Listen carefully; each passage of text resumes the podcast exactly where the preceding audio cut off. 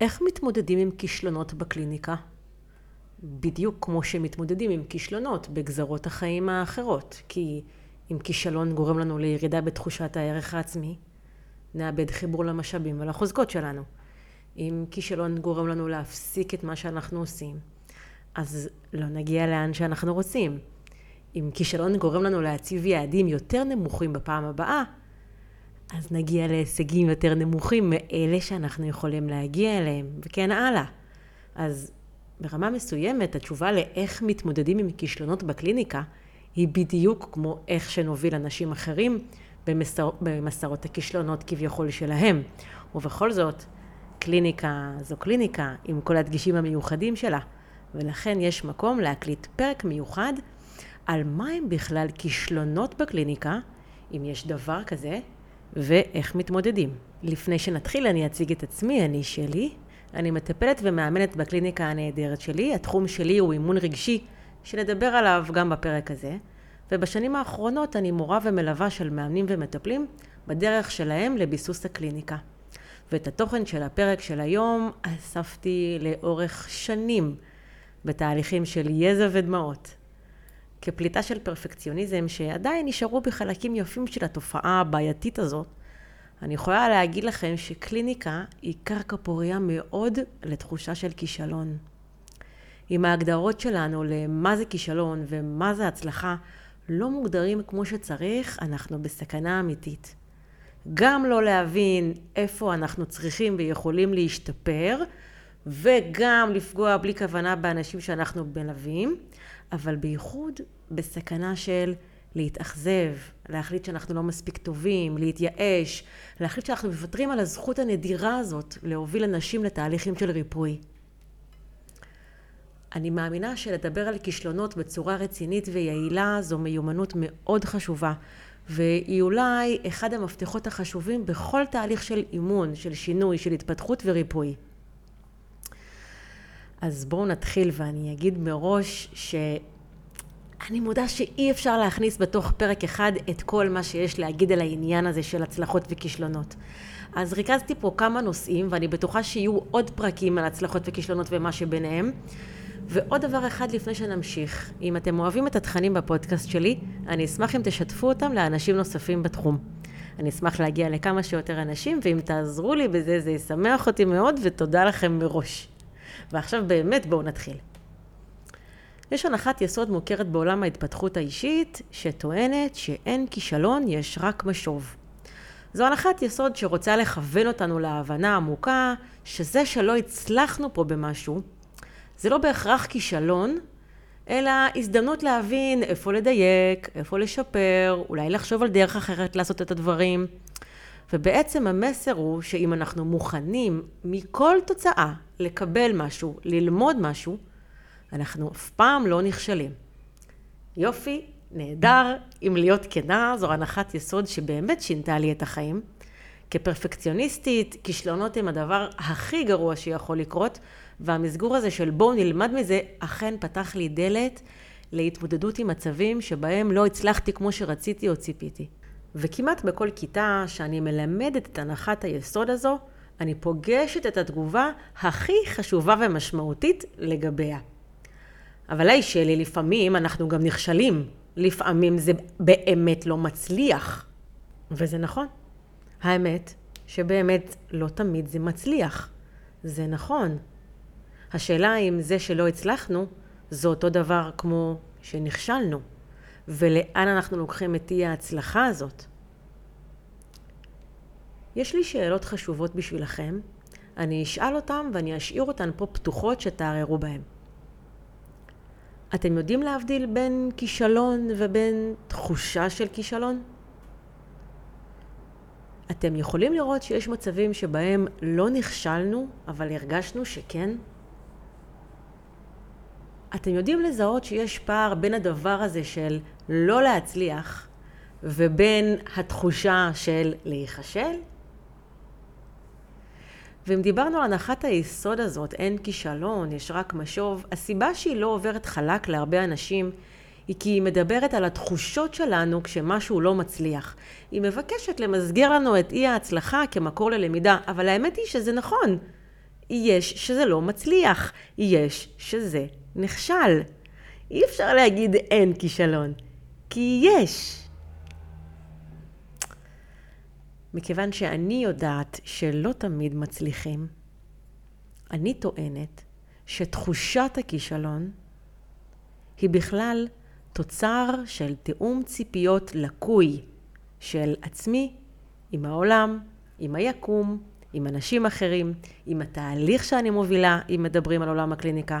כלומר, אפשר לא להצליח ולא להרגיש שנכשלנו, אם מפרקים את תיאום הציפיות הזה כמו שצריך, ותכף נעשה את זה פה ביחד בפרק. רגע, אני אגיד את זה עוד הפעם, כי זה מאוד מאוד חשוב. אפשר לא להצליח ולא להרגיש שנכשלנו.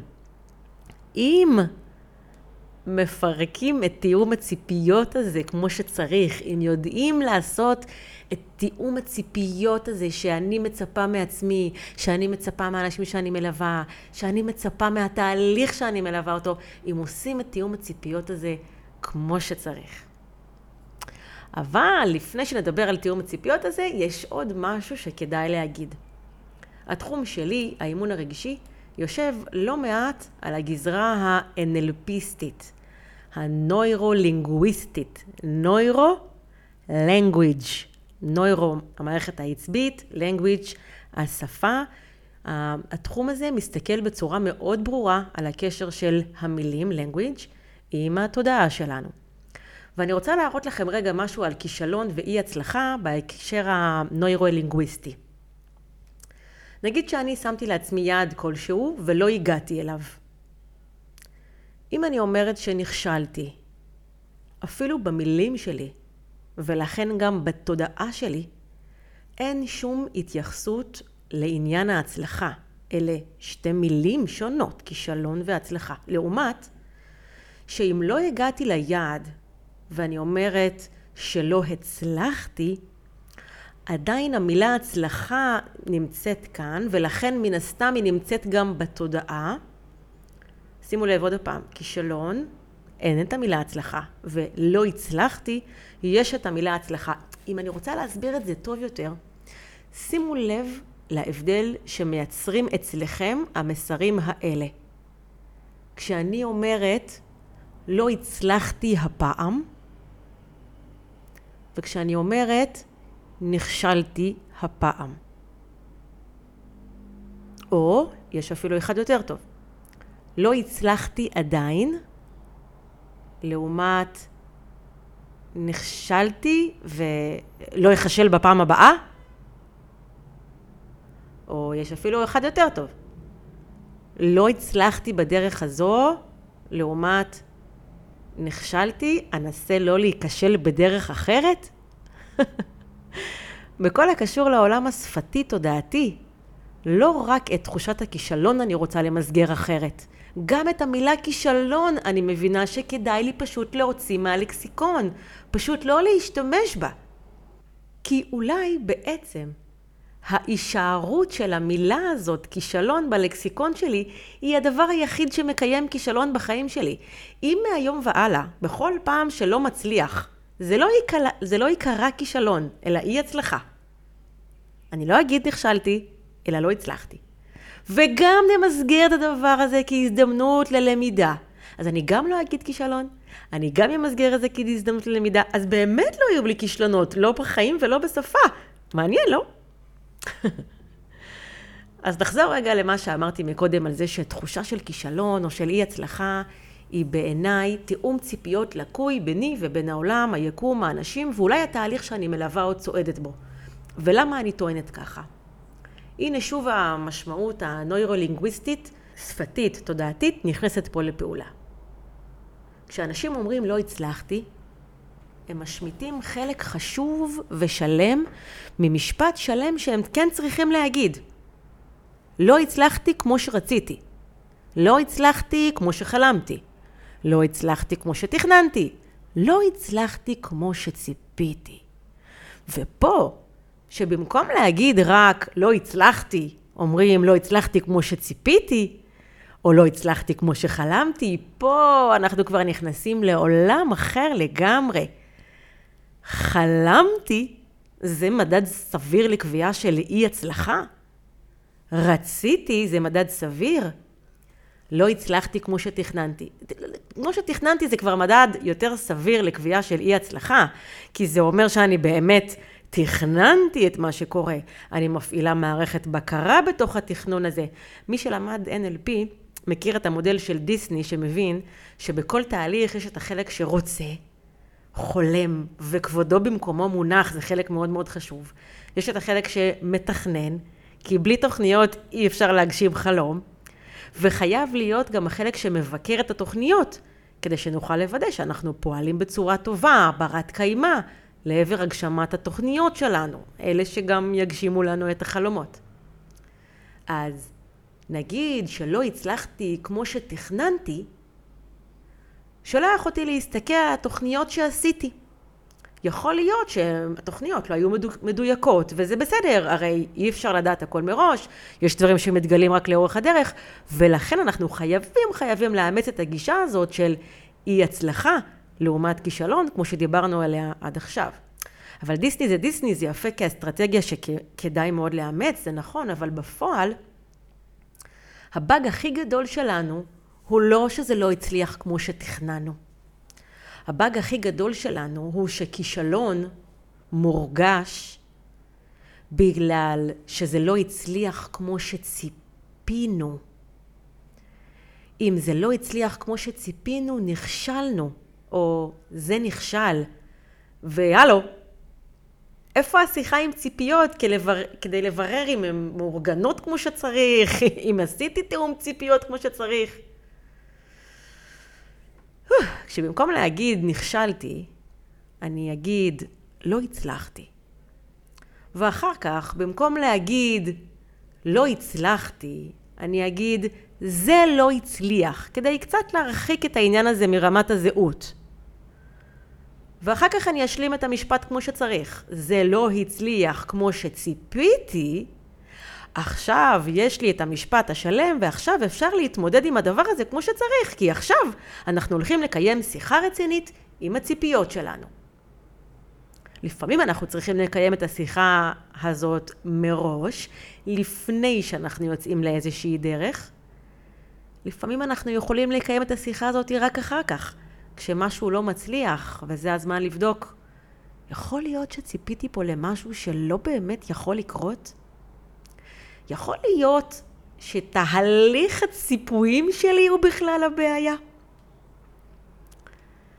אז אחרי שהבנו את העניין הזה, אני אקדיש את כל החלק הבא של הפרק כדי להגדיר כמה אירועי ציפיות של מטפלים שאני כבר יודעת להגיד לכם מראש שהם פתח לתקלות.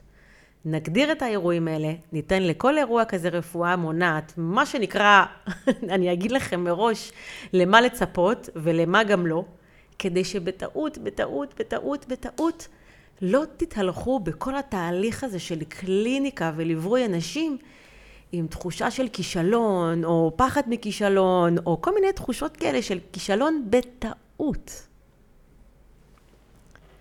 ועוד רגע אחד לפני זה, בואו נגדיר שנייה רגע מה זה ציפיות.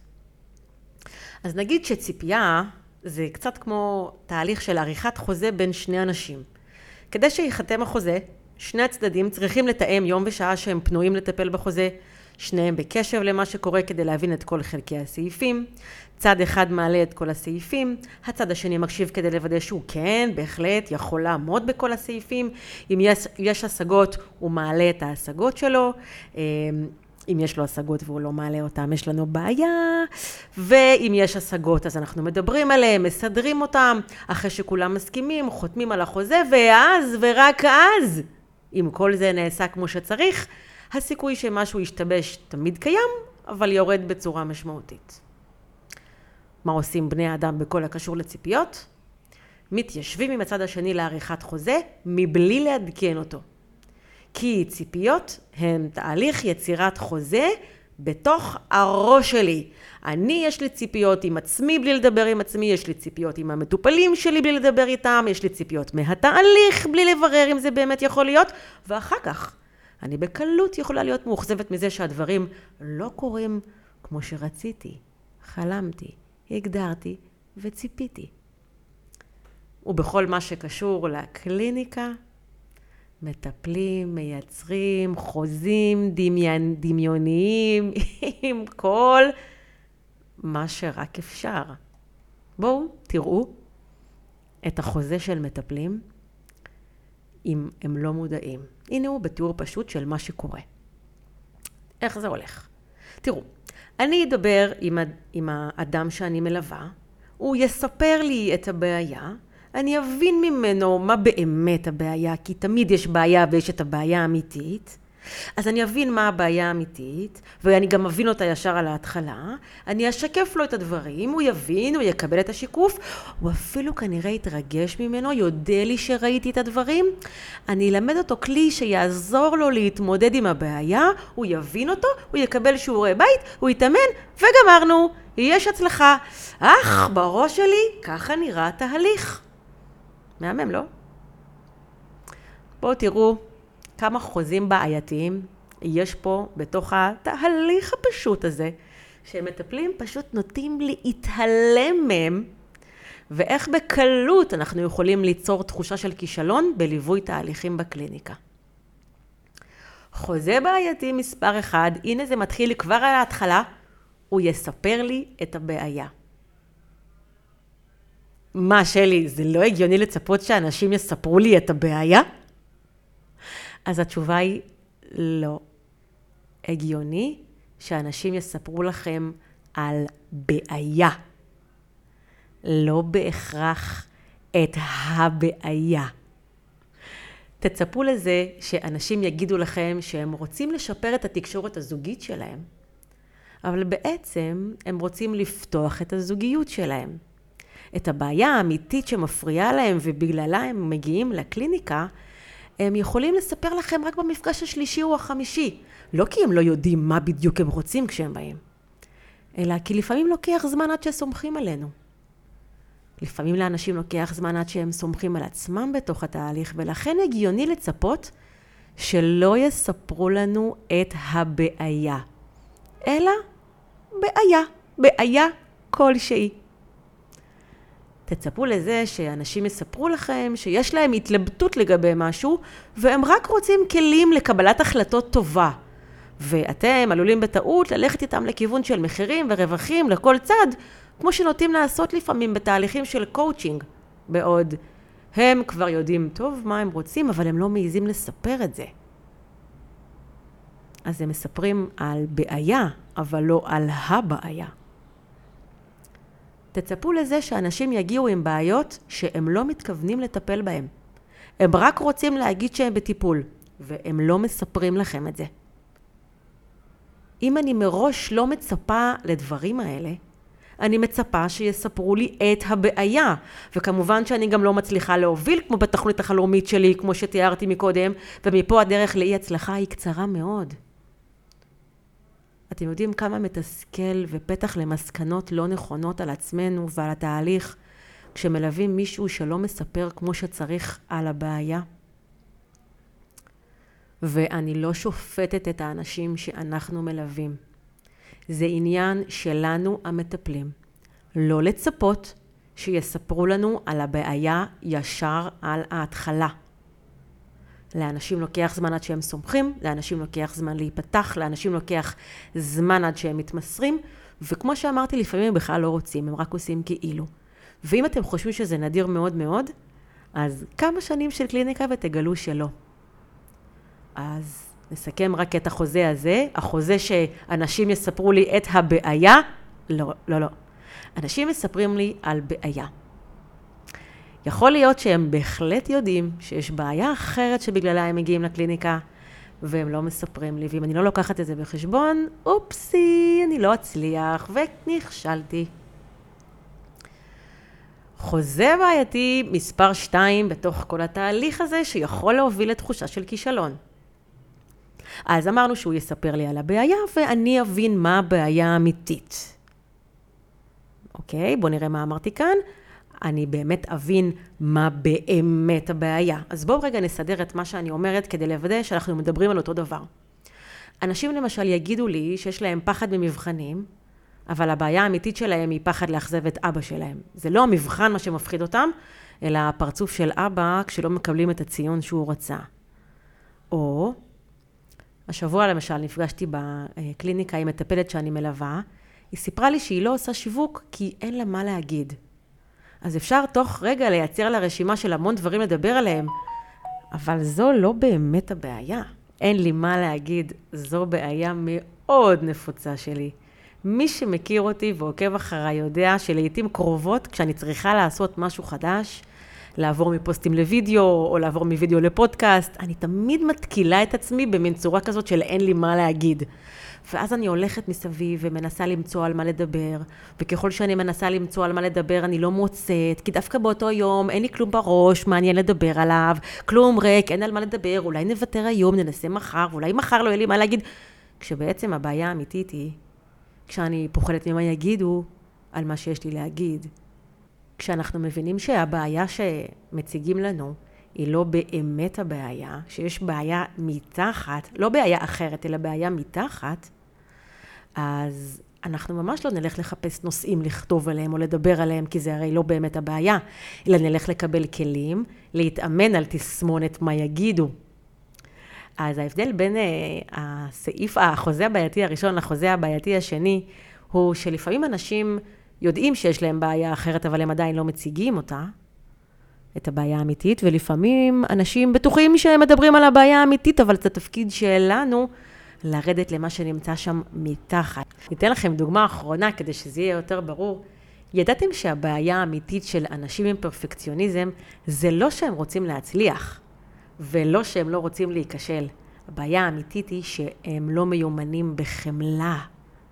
ואם העניין הזה לא יושב לכם טוב, אז בואו למרינדה, אלה בדיוק הדברים העמוקים שאנחנו מדברים עליהם פה, וזה היה החלק המכירתי של כיתת המטפלים להיום.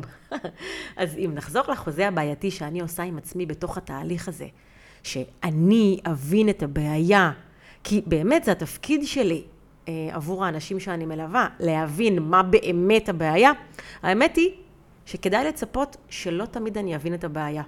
לפעמים כן, לפעמים לא. לפעמים אני אחשוב שהבנתי מה באמת הבעיה ואני אלך עם זה דרך ורק אחר כך אני אגלה שזה לא הייתה באמת הבעיה. תראו, בני אדם הם לא אחד או אפס.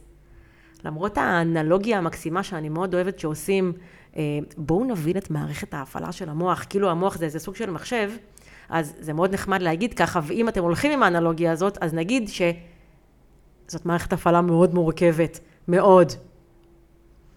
אז אולי אני אבין מה הבעיה, ואולי אני לא אבין מה הבעיה, וזה איזשהו תיאום ציפיות מאוד הכרחי שאני צריכה לעשות עם עצמי כשאני מלווה אנשים, אולי אני אבין ואולי אני לא אבין. וכל זה בכלל בלי לקחת בחשבון שבגלל שאני בן אדם, יש ימים שהמוח שלי יותר ערני, ויש ימים שהמוח שלי יהיה פחות ער, כלומר, יבואו ימים שבהם אנשים ילכו למחשב כדי שיעשה להם איזה אנליזה רגשית, אבל עד אז אנשים מגיעים אלינו בני אדם. וגם לנו יש ימים שבהם אנחנו פחות חדים. אז אני יודעת איך זה אצל מטפלים. הם יגידו לי עכשיו, לא, אין לי באמת ציפייה להבין מיד על ההתחלה מה הבעיה. אני מבינה שאני לא אדע ושצריך לחפש את הבעיה. כן, בטח. אבל אז כשתהליכים נמשכים, או כשאין התקדמות, הם מתחילים עם כל מיני מחשבות כמו, בטח מישהו אחר היה עושה את זה יותר מהר, בטח יש שיטות שעושות את זה במפגש אחד, ואיך טעיתי שלא ראיתי את זה ישר להתחלה, מין כל מיני קולות כאלה של מטפלים שמבהירים בצורה די ברורה שיש פער מאוד גדול בין זה שהם אומרים, כן, אני מבינה שאני לא אצליח ישר על ההתחלה, ובין הציפייה שלהם להצליח ישר על ההתחלה, שמובילה אותם מהר מאוד להרגשה של אי הצלחה ולכן גם לכישלון. אז שימו לב שהבאג הזה בחוזה הסמוי הוא אפילו לא בין המטפל למטופל, הוא בין המטפל לעצמו. ואם אני רוצה לעשות את החוזה כמו שצריך, ביני לבין התהליך, אז כדאי להכניס לחוזה סעיפים שמגדירים מראש את הקצב אמיתי, וסעיפים ש, ש, ששמים סימן שאלה, האם אני באמת יכולה להתחייב למאה אחוז הבנה של כל הבעיות? כי אם אני לא, את, לא אכניס את הסעיפים האלה לתוך החוזה, במקום על מסלול המראה אני על מסלול נחיתה, כי חבר'ה, אנחנו לא תמיד מבינים את הבעיה, אנחנו לא תמיד רואים אותה, אנחנו לא תמיד מזהים אותה, לא תמיד על ההתחלה וגם לא תמיד אחר כך. חוזה בעייתי מספר שלוש שמטפלים עושים עם עצמם, עם המטופלים ועם התהליך, שכשלא עושים את הדבר הזה כמו שצריך, גורם לתחושה של כישלון. אז החוזה היה, הוא יספר לי את הבעיה, אני אבין את הבעיה האמיתית, הנה דיברנו. עכשיו החלק השלישי, אני אשקף לו את הדברים והוא יבין, הוא יתרגש ואפילו יודה לי. טוב, סך הכל אני מבינה למה אפשר לצפות לזה, הרי זה חלק ממהות התהליך הטיפולי. אנשים באים כדי שאני אראה להם, שאני אראה את הבעיה ואני אראה להם, נכון? זה כאילו מין משהו שאפשר, הגיוני לצפות לו, אבל בפועל זה לא הגיוני לצפות שאני אשקף את הבעיה האמיתית והאדם יבין, יתרגש וישמח. לא, זה לא הגיוני לצפות. או לפחות לא הגיוני לצפות לזה ככה. בואו נגיד שלשקף את הדברים זו מיומנות מאוד חשובה. אפשר אפילו להגיד שזו מיומנות קריטית בתוך תהליכים טובים. אבל בשביל לשקף דברים בצורה טובה צריך כמה מיומנויות. אחת, תקשורת רהוטה בזמן השיקוף, כלומר, להיות מאוד ברורים במה שאומרים. למשל, אני רואה שאתה כועס למרות שאתה אומר שאתה לא. או, אתה שם לב שיש פה סיטואציה שאתה לא לוקח בה אחריות. ולא כל מיני התפלספויות והחלפות מילים והקטנות וקיבוצ... וקיבוצים שמייצרים כל מיני אי בהירויות. תקשורת רהוטה היא כלי חשוב בליווי של תהליכים, כי גם ככה אנשים הם קוראי מחשבות בבסיס שלהם. אז אנחנו כמטפלים, כמאמנים, צריכים להיות כמה שיותר ברורים כדי להיכנס לכמה שפחות אה, לפינות לא צפויות עם קוראי המחשבות שאנחנו מלווים. והדבר השני שהוא אפילו יותר חשוב מתקשורת רהוטה, ואת זה אני רואה המון, זה לא לפחד מלשקף. לא מעט אנשים שאני מלווה חוששים מלהגיד למטופלים שלהם דברים כואבים, אולי דברים שיעצבנו אותם, אולי הם פוחדים לקבל התנגדות או פוחדים שהמטופל שלהם ייעלב. אני מאוד מבינה את זה, ואני אגיד שבחיים הפרטיים יכולים להיות כל מיני אישויים אם להגיד את הדברים כמו שהם. אבל בקליניקה זו מיומנות מאוד חשובה, כי בדיוק בגלל הדברים האלה האנשים מגיעים אלינו. לפעמים אנחנו האנשים הראשונים שנגיד לאדם את הדברים ככה כמו שהם. ואם אנחנו עושים את זה נכון, הדברים יכולים להתקבל בהבנה גם אם הם כואבים. כשמכינים את הקרקע בצורה נכונה, בחיבור, בחמלה, עם אפס ביקורתיות, זה עובר יותר בקלות. ופה צריך לעשות תיאום ציפיות כמו שצריך, כדי שאני עכשיו לא אייצר לכם תחושה של כישלון.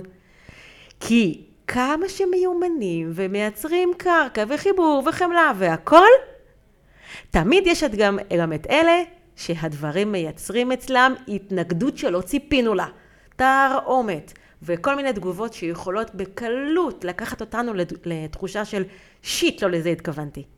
ומפה לתחושה של אי הצלחה ונכשלתי, תוך כמה דקות, אם אני לא מכוונת כמו שצריך עם ההגדרות שלי. תראו, המטרה בקליניקה היא לא להיות נחמדה לאנשים ולא לתת להם הרגשה טובה. אני אשמח להיות נחמדה, ואני שואפת להיות נחמדה, ואני אשמח לתת לאנשים הרגשה טובה, ואני שואפת לשם, אבל המטרה שלי היא לאמן. לאמן אנשים לתקשר ולהתמודד טוב יותר עם הבעיות, האתגרים והרגשות שלהם. וכשברור לי למה התכנסנו, אני אגיד גם דברים שהם לא תמיד נעימים. בצורה הכי נעימה והכי מחברת והכי מכבדת, ואני אעצר את הקרקע לכך שאנשים ידעו שמה שאני אומרת להם זה כי אני רוצה בטובתם, ולא תמיד זה יקרה כמו שציפיתי. והדבר הנכון הוא לצפות שזה לא יקרה כמו שאני מצפה, כדי לא, ש... לא תרגישו תחושה שלא הצלחתם, או תחושה של, כוכב... של אה, כישלון. יש לי פה משהו חשוב להגיד, כשאני מדברת על שיקוף בקליניקה, אני לא מדברת איתכם עכשיו על מין כנות רדיקלית כזאת, שבה ערך הכנות היא הערך העליון. אני אגיד לך כל מיני דברים רק כי אני חושבת שהם האמת ואתה תתמודד עם זה. כמו שאני שומעת שמתקיים לפעמים בתהליכים שאני חושבת שהם פוגעניים. שיקוף שאני מדברת עליו זה כשעולה משהו פה בחדר, שצריך לראות אותו, ומכל מיני סיבות האדם לא רואה אותו. וזה חשוב ומועיל לו לראות את זה. ואם אני רואה את זה, ואני לא אומרת לו את זה, כי אני לא רוצה שהוא יתעצבן, או ייעלב, או יפרוש מהתהליך, יש לי בעיה במקצוענות. בואו נדבר על זה רק לקצת, כי אפשר לדבר על שיקופים המון, אבל בפרק הזה שמדבר על ציפיות והצלחות, יש משהו שחשוב להגיד. אני רואה לעיתים קרובות מטפלים שחוששים מכל מיני תגובות בקליניקה. כמו שאמרתי, שאנשים יתעצבנו, ייעלבו, פתאום יתחילו לבכות, כל מיני מופעים של הישפכויות, פתאום באמצע נושא כואב, מתחיל איזה כאב ראש, שזהו, אי אפשר לדבר על זה יותר, או כל מיני משפטים כמו, די, אני לא מסוגלת יותר לדבר על זה. דווקא במקומות האלה שהגענו אליהם, נמצאים דברים מאוד חשובים, ואם אנחנו מפחדים להגיע למקומות האלה, אנחנו מוותרים על מה שנקרא תהליך עומק. עם כל היתרונות המעולים שמתקיימים בו. אז אם שיקפתי לאדם משהו והוא נעלב, זה אומר שנכשלתי באיך ששיקפתי? או זה אומר שלא הצלחתי באיך ששיקפתי? אולי זה אומר שדווקא הצלחתי? כי חשפתי את אחד הדפוסים הכי בעייתיים שלו להיעלב כאסטרטגיית בריחה? או אם הבאתי למפגש שזה אמת לא קלה לעיכול ומטופל מחליט לא להמשיך, זה אומר שנכשלתי בשיקוף שעשיתי? זה אומר שבהכרח אם הייתי עושה את זה אחרת, הוא היה נשאר? כשאין לנו מפת הסתכלות רחבה מבחינה פסיכולוגית על הדברים, אנחנו יכולים בקלות ללכת למקומות כמו יכולתי להגיד את הדברים יותר בעדינות, יכולתי לחכות למפגש יותר מאוחר, יכולתי גם לא להגיד כלום. אבל כשיש לנו הסתכלות רחבה מבחינה מקצועית, אנחנו יכולים וגם צריכים לראות את כל אלה. כי חשוב, כי ככה אנחנו יכולים ללמוד ולזהות דברים שיש לנו באמת צורך לשפר אותם. אבל חשוב גם לקחת בחשבון שגם יכול להיות שזה לא משנה איך אני אגיד את הדברים. לאנשים שאנחנו מלווים יש כל מיני אסטרטגיות התמודדות עם דברים, שלפעמים אפילו הם לא מודעים אליהם. וגם אם אני אגיד את הדברים כמו צמר גפן, עדיין יהיו אנשים שיתעצבנו על זה. וזה לא אומר שלא הצלחתי. או במילים אחרות, זה, זה באמת יכול להגיד שהצלחתי להגיע למקום שלא תכננתי להגיע אליו, אבל וואו, זאת ההצלחה האמיתית. זה מזכיר לי תהליך שליוויתי לפני, וואו, כמה שנים לדעתי, זה עשר שנים. אישה, אישה הגיעה אליי, כי היה לה קושי להחזיק את התזונה הבריאה שהיא ביקשה לעצמה. היא החליטה, לצורך הדוגמה, שהיא רוצה לאכול סלט אה, כל יום, והיא לא מצליחה להתמיד עם אכילת הסלט. כדי לבדוק איפה בדיוק היא לא מצליחה בכל הסלט הזה, שאלתי ופירקתי איתה את עניין הסלט כדי להבין מה בדיוק המקור של הקושי, והתשובות היו כאלה. תראי, אני לא אוהבת מלפפון, אז הוחלט שלא חייבים מלפפון. ואין לי כוח ללכת לירקן, אז הוחלט שהיא תעשה משלוח. אבל משלוח זה יותר יקר. אז התשובה שלה הייתה, טוב, בסדר, יש מחירים שצריך לשלם. ואני שונאת לחתוך. אז אמרתי לה שגם אני, ובכל זאת, מה לעשות, כדי שזה יקרה, אה, בוא נציע רעיונות, אז היא נזכרה שיש שקית של ירקות חתוכים, אבל זה יותר יקר, ואז היא חשבה, אני שונאת בצל, ולא צריך בצל, וכל מיני הסתבכויות, וירקות לא אורגניים, האורגניים יותר יקרים, אה, סיפורים. בסוף עצרתי לרגע מכל ערימת הפתרונות האלה שהנחנו שם על השולחן, ואמרתי לה, שומעת? אין דרך להגיע לאן שאת רוצה בלי לעשות את מה שצריך לעשות. אם את מחפשת שאני אגיד לך שאת צודקת, באמת בלתי אפשרי לאכול סלט, כי זה יקר וזה מעצבן וזה קשה וזה הכל, אז אני אגיד לך את זה. ואז שתינו נצדק, אבל לך לא יהיה סלט. בואי נסתכל שוב על הדברים.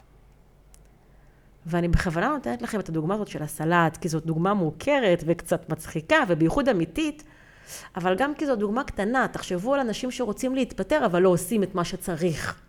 אנשים שרוצים להתחתן, אבל לא עושים את מה שצריך. אנשים שרוצים להבריא, אבל לא עושים את מה שצריך לעשות. וזה תפקיד שלי כמאמנת להגיד, צריך לעשות את מה שצריך לעשות. אנחנו ננסה לעשות את זה הכי מתאים לך, בדרכים שהן הכי נעימות, ולקצר, ולמצוא ולהתאים, אבל בסופו של דבר יש פה אחריות שצריך לקחת. אתה שם לב שאתה קצת לא לוקח פה אחריות? בואו ניתן עוד דוגמה.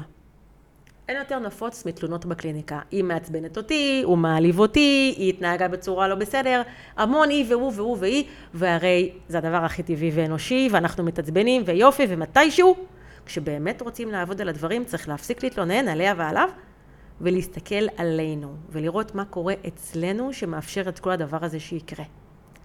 ההובלה הזאת פנימה, להפסיק לדבר עליו ועליה, ולהסתכל על החלקים שלי בתוך הדבר הזה, היא הובלה לא קלה. אנשים לא ששים להסתכל פנימה, בייחוד אם הם מלווים את כל ההתבוננות הזאת בביקורתיות ושיפוטיות על עצמם. אבל זה לא אומר שלא צריך לעשות את זה. זה לא אומר שמתישהו אני צריכה לעצור את כל ההיא והוא והוא והיא ולהגיד לה, רגע, בואי נראה רגע מה החלק שלך בכל הדבר הזה שקורה. ואין לי דרך לדעת איך אדם יגיב כשנרד פנימה לתוך עצמו. אני צריכה להישאר פתוחה עם הרעיון שכל מה שנפגוש, גם את ההתנגדויות, הכעסים, ההיפגעויות, ההישפכויות, ואפילו שיפרשו קליניקה, מהקליניקה, זה משהו שנכון לפגוש אותו, גם אם זה משהו שאדם צריך ללמוד על עצמו, ואולי זה משהו שאני צריכה ללמוד על עצמי כמטפלת, כמאמנת.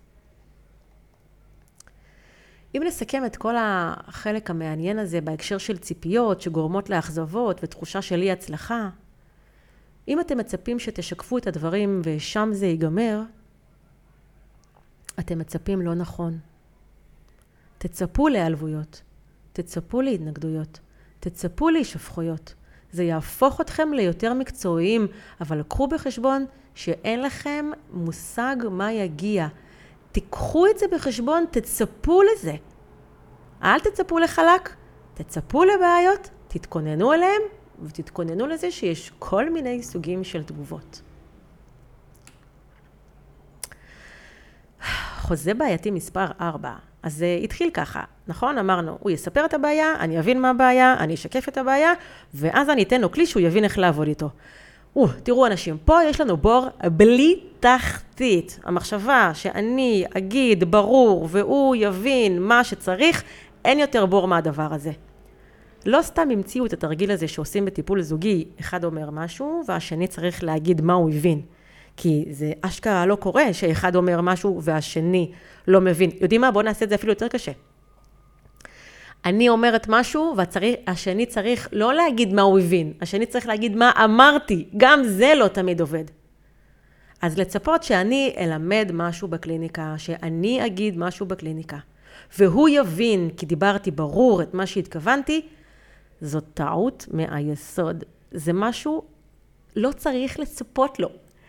זה נשמע קצת מוזר, אני יודעת, אבל הניסיון מראה לי שלצפות שאני אדבר ברור ואנשים יבינו את מה שאני אמרתי, טעות. זה, אם אנחנו חושבים שאיינשטיין היה גאון שדיבר על תורת היחסות ואטומים וכל אלה, בואו, להבין מה אנשים אומרים ובאמת מתכוונים, כאן זה הגאונות. בואו נוריד את זה רגע לקרקע. אני בתור מורה חושבת ומאמינה שאני מלמדת מאוד ברור. איך אני יודעת את זה? אני שואלת לעיתים קרובות בכיתה, זה היה ברור? יצא לי ברור? האנשים מעניינים ואומרים לי כן, ואיך אני שמחה שזה יצא לי ברור. אבל אם יום אחד אני אעשה סבב ואני אשאל אחד אחד מה הבנת, יש סיכוי טוב שכל אחד יגיד לי משהו אחר. אז החוזה הדמיוני שלי עם עצמי ועם המטופל שלי, שאני אלמד ברור או אדבר ברור והוא יבין בדיוק את מה שהתכוונתי, הוא קצת בעייתי. ומפה הדרך לתחושה של זה לא הצליח וכישלון וכל לא, לא, לא, כי אני לימדתי אותך, אז, אז למה לא הבנת? אני הסברתי, אז למה לא עשית? אני, זה היה ברור, אז מה לא בסדר? או אפילו אני אקח את זה לצד השני. שמטופל בטוח שהוא הבין את מה שאמרתי, אז למה זה לא עובד לו? אז בואו נוריד לכם את זה לרמה פרקטית, אני אגיד לכם מה אני עושה עם זה. אני מלמדת כלי, ובגלל שאני יודעת שאנשים שונים מבינים דברים שונים, אני משתדלת בתוך המפגש עד כמה שאני יכולה לתרגל אותו עם האדם, לראות מה הוא הבין ושזה מה שהתכוונתי. למשל, בואו ננתח עכשיו יחד סיטואציה דומה עם הכלי שלמדנו, ולתת לו להוביל את התהליך כדי לראות שהוא הבין. לא לשאול את הבן אדם, הבנת?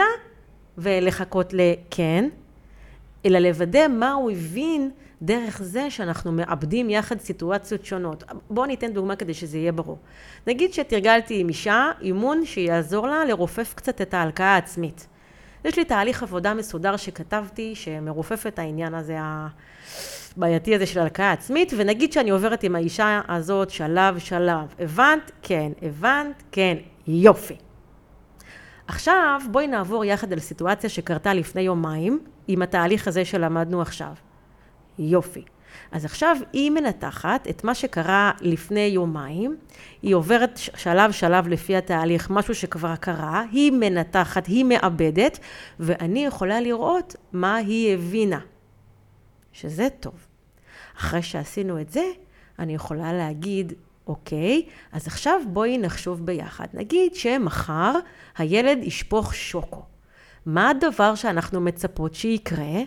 והיא תגיד שאני אתעצבן. נכון, אנחנו מצפות לזה, ולא ניבהל, ולא נרגיש כישלון שזה יקרה. ומה הדבר הבא שאת תעשי? והיא תענה לי מה היא אמורה לעשות, לפי התהליך שלמדנו עכשיו, ותוך כדי זה המוח שלה יתרגל את התהליך, לא רק על זמן עבר, מה קרה לפני יומיים, אלא גם על זמן עתיד, מה הולך לקרות בעוד יומיים. עכשיו, האם זה בדיוק מה שיקרה בעתיד? לא בטוח, אבל ככה מאמנים מוח. ולוקחים בחשבון שבמציאות יש כל מיני דברים נוספים ללמוד מהם. אין כישלונות, יש רק ללמוד עוד משהו. אז בואו נגיד שהציפייה הזאת, שאם אני דיברתי ברור והאדם אמר לי כן, ואז אם הדברים לא קרו כמו שציפינו, זה בגלל שמישהו פה לא עשה את העבודה שלו כמו שצריך. זה פתח מאוד אה, גדול, שלא לומר בור בלי תחתית, לתחושה של אי הצלחה וכישלון. אני רואה שהרבה מהתהליכים שאני, שלא מצליחים כמו שרציתי, הם כי אנשים לא הבינו בדיוק את מה שאמרתי, או את מה שהתכוונתי. והדרך להימנע מזה היא באמת לעשות עוד ועוד ועוד וידויים. עוד ועוד וידויים, ולא להניח שזה שאמרתי ברור, זה מספיק בשביל להבין. בשלב האחרון בחוזה הלא כתוב ביני ובין המתאמן, זה שאחרי שהוא הבין הכל, עכשיו הוא גם מתאמן. אז בואו אני אגיד את זה רגע בקול רם כדי להיות הוגנת כלפי האנשים שאני מלווה וגם כלפיכם כמאמנים. אני נותנת שיעורי בית, אני מאמינה ששיעורי בית הם הדרך הכי טובה להכניס הרגלים חדשים, גם הרגלים מנטליים. לפעמים שיעורי הבית הם רק לשים לב למשהו, לפעמים שיעורי הבית הם לשנות משהו קטן, ממש ממש קטן. כי אם יש משהו לצפות לו, זה שאנשים לא יעשו את שיעורי הבית. לא רק בכיתה ג', גם בקליניקה. גם אנשים שמבינים טוב מאוד למה הם צריכים את זה, והם מבינים טוב מאוד שהם חייבים את זה, ומבינים הכל והם נהדרים, לאנשים האלה יש חיים וילדים ועבודה והורים, וכשיוצאים מהקליניקה, משהו בחוויה הטיפולית נעלם, ואת זה צריך לצפות לדעת את זה מראש. זה מזכיר לי שהשבוע הלכתי לאיזשהו טיפול והמטפלת נתנה לי שיעורי בית לחזק את שרירי הגב שלי. באותו רגע הבנתי שזה הדבר הכי חשוב בעולם, הבנתי שאני הולכת לעשות את זה, זה היה ביום רביעי ונזכרתי בזה רק עכשיו והיום יום שישי. אז אני נותנת שיעורי בית, אנחנו נותנים שיעורי בית ואל תצפו שאנשים יעשו שיעורי בית, אנשים לא עושים שיעורי בית. וזה לא כישלון של אף אחד. לפעמים אני אשאל, למה לא התאמנת במקום הכי מכבד, שמבקש להבין מה צריך כדי לשנות בשיעור הבית. לפעמים אני אשאל, למה לא התאמנת מהמקום שצריך להבין שאולי זה עניין של אחריות, ואולי זה עניין של אמונות שמפריעות, ואולי אני אשאל את זה כי אנחנו נחליט שצריך להקדיש עשר דקות מתוך המפגש הבא כדי להתאמן ביחד על כל דבר. עשר דקות יוקדשו לאימון ושאר הדברים יוקדשו לדברים אחרים. ולפעמים אני אגיד, שומע, למרות שאתה מאוד רוצה לפתור את הבעיה המסוימת הזאת, אתה לא פנוי עכשיו לתרגול שצריך בשביל זה. למה לך את תחושת הכישלון הזאת? אני יודעת איך אנשים מרגישים כשהם לוקחים על עצמם משימה שהם לא באמת יכולים לעמוד בה. זה פשוט לא, לא זמן טוב. אני רוצה להגיד לכם שבכל תהליך של טיפול ואימון יש פוטנציאל לכל כך הרבה פינות שיוצרות תחושה של כישלון. ואני רוצה לקחת את זה בחשבון, ואני רוצה לדעת שלפעמים זה משהו שאני כמאמנת לא עשיתי כמו שצריך. לפעמים זה משהו שהמתאמן לא עושה כמו שצריך. לפעמים זה פשוט לא זמן טוב, וזה לא עניין של כישלון, שוב. זה עניין של פרספקטיבה רחבה, של הגדרות, של הבנות, של למידה. נסגור את העניין הזה ונגיד שאם הפלואו שיושב לי בראש הוא, בכל מה שקשור לקליניקה, כן? שהמטופל יבוא ויספר את הבעיה, ואני אבין מה הבעיה האמיתית, ואני אשקף לו, והוא יקבל את זה, והוא אפילו יתרגש מזה. ואנחנו נלמד כלי שהוא יבין אותו והוא יתאמן איתו, וככה אנחנו נגדיר אצלך, יש לנו בעיה. יש לנו בעיה. השבוע בשיעור של אחת מכיתות המטפלים עלה הנושא הזה של הרצון של המטפלים להגיד את הדבר הנכון בזמן הנכון. ואני יודעת שזו מחלה גדולה של הרבה מטפלים ומאמנים שלפעמים כל כך פוחדים לא להגיד את הדבר הנכון ולפעמים פוחדים להגיד את הדבר הלא נכון. והעניין הזה מכניס כל כך הרבה סטרס לתוך תהליך ההובלה שלנו.